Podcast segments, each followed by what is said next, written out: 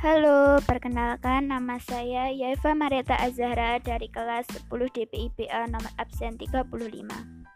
Kali ini saya akan menjelaskan apa sih peran siswa atau masyarakat dalam memerangi pandemik yang masih berlanjut sampai saat ini.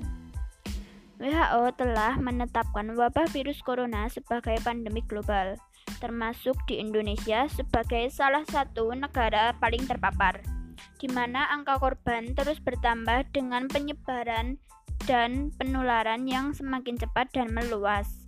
Semua warga negara Indonesia punya peran dalam membantu menghadapi COVID-19. Begitu pula untuk generasi muda. Peran generasi muda ini sangat besar, maka di sinilah peran generasi muda diharapkan untuk bisa ikut membantu pemerintah dalam memutus rantai penyebaran COVID-19.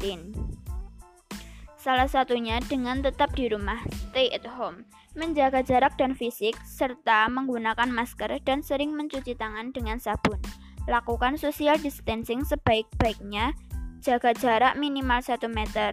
Serangkaian tindakan social distancing diprediksi dapat mengurangi penyebaran COVID-19.